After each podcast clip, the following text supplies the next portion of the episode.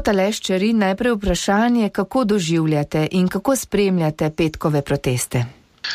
Glede, spremljam jih po socialnih omrežjih, ne, ne, ne hodim na proteste, niti iz Firbcane.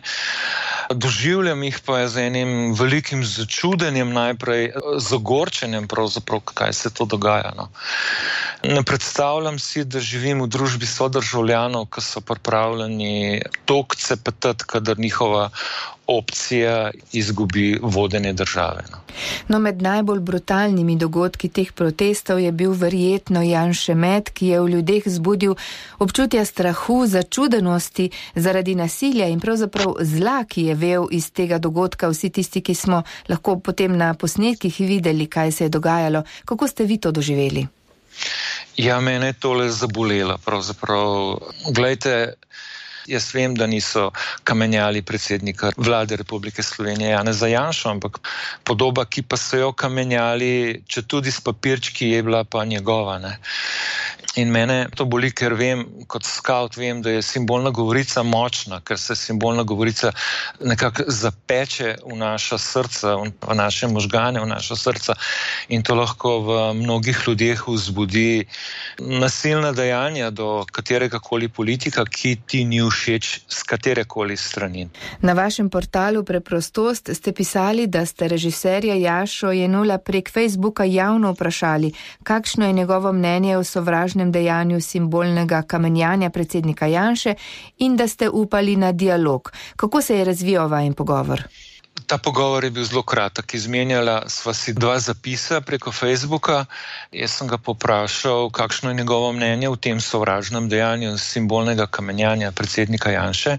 On je pa preprosto z eno tako lahkotnostjo odgovoril, da je to protestniška športna disciplina kjer se na simbolični ravni politiko, ne pazite, že tole je ena mala laž, politiko, ne politika, obmetava z orožjem protestnikov in pravi, da so na vsak papirček zapisali resnica, pravica, poštenost in solidarnost. Se pravi, že v tem ni, ni resnica, da so obmetavali s papirjem ki simbolizira kamne, politiko, pač pa politika in to točno znanega politika. Ne. In potem sem se začudil, da bi bila to športna disciplina, in sem mu odgovoril nazaj, da se mi ni zdelo, da bi bila to športna disciplina, ki bi krepila telesne zmogljivosti, tekmovanje, razvedrilo, kot je nekako zapisano v slovarju slovenskega knjižnega jezika. Pač pa sem sam to doživel kot sramotenje in simbolno ubijanje življenje človeka. In od režiserja Jaša Janula dobil še bolj lahkoten odgovor, ki pa me zdaj ni več presenetil. Namreč Tako je zapisal, da je vsekakor to delovalo zelo razvedrilno in da so se udeleženci ob tem razmigali, da pa ni bilo sicer tekmovalne komponente. Ne. In še na koncu, na moje začudenje, je, mi je zabrusilo, da bomo pravzaprav veseli, da protestniki se poslužujejo ustvarjalnih in humornih načinov za sproščanje jeze in ogorčenja, namesto da bi se to izrazilo neposredno z nasiljem in agresijo. Se pravi, kot da bi se moral razveseliti dejstva, da ni še prišlo do pravega kamenjanja človeka s kamni ali še s čim drugim. Ne? Kako pa naj se na vse to preproste državljan odzove, kaj naj stori? Veliko sem razmišljal o tem, jaz mislim, da moramo ohranjati mir. Kar je težko, ne? človeka pograbi jeza, ogorčenje in takrat imaš hitre prste. Eh, hitro bi kaj napisal nasramnega, in tega se tudi veliko dogaja z naše strani. Jaz mislim, da moramo ohraniti mir. Eh, kot kristjan bi rekel, da je najprej zmoliti za vse te ljudi ne vemo, kakšne katastrofalne vzgojne metode, kakšne zlorabe, kaj se vse dogajalo v ljudeh, eh, v mnogih. Ne. Morda tako da jaz bi rekel najprej molitev za vse to. Molitev, da se tudi kaj hudega ne zgodi, molitev za sebe, da nimaš prehitrih prstov, da se ne odzoveš z jezo, ampak z enim mirom. In jaz verjamem, da bo ta mir, rečem, na konzervativni strani, da bo prinesel pozitiven odziv, ker se mi zdi, da vedno več ljudi nekje blizu sredine ali pa levo od sredine že spoznava, da je to absurdno, da to, kar se dogaja na protestih, eh, ne vodi nikamor. In kot je rekel eh, moj prijatelj z druge strani političnega brega, je rekel, da moramo vsi skupaj stopiti en korak nazaj in pogledati na, na situacijo v enem takem miru. Ja. Ja, govorite, pogledati zmerom na to situacijo. Kako jo ocenjujete? Kakšno je stanje na političnem področju pri nas, po vašem mnenju, trenutno v zadnjih mesecih? Ja, zelo razgreto in z namenom razgreto. Sem prej omenil to cepetanje leve strani, ko ni na vladi, je, je pravzaprav že stalnica ne, in se, se bo to očitno dogajalo. Ne.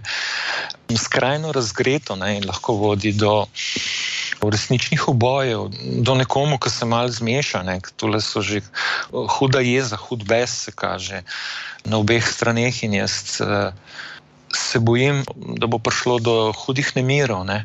ko se še rumeni jopiči, katere treba pa tudi jih cenim in prav, da se, da se pojavljajo, ampak jaz menim, da morajo tudi oni spraviti komunikacijo na, na višji nivo, drugače smo pa pravzaprav na istem. V svojem zapisu z naslovom Otrgani od razmišljanja vesti in resnice pišete tudi o vesti. Uh, nekako je povezano z vsem tem, kar ste sedaj govorili. Danes ni več popularno govoriti sploh, da bi človek poslušal svojo vest. Zakaj se po vašem mnenju sodobni človek več ne ozira na njo, ravna kot da je ni? Je mogoče več ne sliši ali pa je nismo znali vzgojiti, da bi znali ravnati prav? Ja, oboje je po moje. Eh, vest kot koncept se nikjer več ne sliši tega pojma. Jaz sem bil presenečen enkrat, eh, že več let nazaj. Jaz sem predaval veliki skupini mladih in začel govoriti o vesti. Pa dvigne roko ena mladenka in pravi: Gospod, o čem vi govorite? Ja, o vesti, ne, ne poznate tega, tega termina. Ne, ne, rekla ne, dajte nam razložiti. In sem začel govoriti, da je to tihi notranji glas v človeku, ki spodbuja, da delamo dobro, se izogibamo slabemu. Tako nekaj, kar govorijo o nas, da ne delamo prav. Ne, ne, ne, ne, ne, ne. je rekla. To, to, to ni tako individualno. Je rekla, to, kar se mi v družbi zmenimo, kar zapišemo v zakonodajo, to je prav. In mladi so temu pritrjevali, Tako da mislim, da v enem velikem delu populacije slovenske ni več pojma. Vest, sploh v komunikaciji, jaz ne vem. In mislim, da smo jo zadušili po eni strani, sploh uporabo tega pojma, ker veš, če je, smo jo pa zadušili s sovraštvom nimamo navade, da bi vest usmerjali, da bi vest pravzaprav razvijali.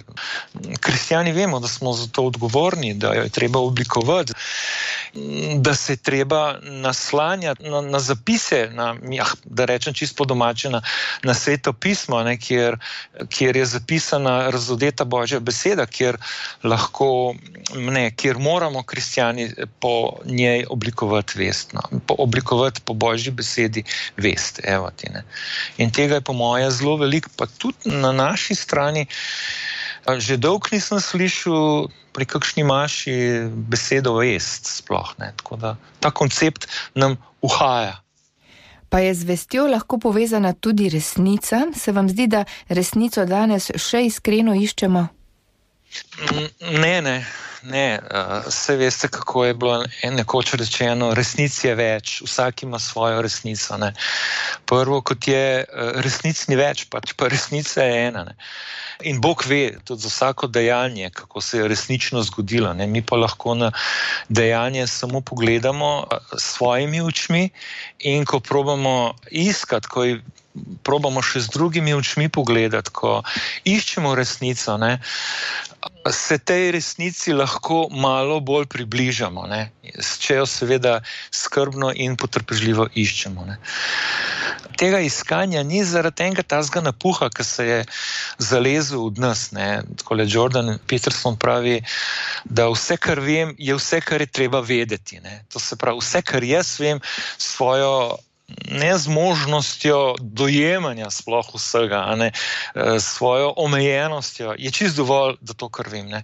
Ena taka obratna drža bi bila potrebna, ne, da, da pristopiš k sočloveku, magari na onem bregu političnem, ne, z neko naravnanostjo, ne vem vsega. Ta človek ima meni zapovedati nekaj novega, kar jaz ne vem. Prav gotovo je tako. Zdaj pa stopim z njim v stik in probava to najno vedenje, ne, najno. Naj in približe k resnici se izmenjati, in oba skupaj potem stopva bliže resnici. Ne. Še bolj bi bilo, če, če, če smo še bolj ponižni, pa rečemo, to, kar vem, je malo ali pa skoraj nič. Ne. Vem, da nič ne vem, ne, je grški filozof rekel. Ne. Če za eno tako naravnanost stopimo, šele lahko se začnemo bližati resnici. Lejte, v psalmu 69, 33 vrstici je zapisano, ponižni vidijo. Kot bi rekel, ponižni vidijo resnico, ne? ponižni lahko vidijo resnico in potem naprej veselijo se. Ne? Šele ko si dovolj ponižen, ne? Lahko se zazreš resnici v obraz ali z eno ponižnostjo se odpraviti, iskati resnico z nekom, ki je magari na drugem bregu. Pravzaprav fino je, da je na drugem bregu. Po vsej tej analizi, ki ste jo razložili, in pa seveda sedaj po tej želji, da se menimo k nekomu, ki je na drugem bregu, smo po vašem mnenju sposobni v naši družbi dialoga, ki bi nas popeljal v prihodnost. Mislim, da je to stvar optimizma, osebnega optimizma. Jaz sem optimist, jaz sem optimist, prej ali se bomo morali začeti pogovarjati. In mislim, da se v tem umestnem prostoru, da se več pogovarjamo, kot je videti. In, in jaz menim, da je treba v, tem, teh pogovorih tudi kaj zapisati, tudi kaj reči.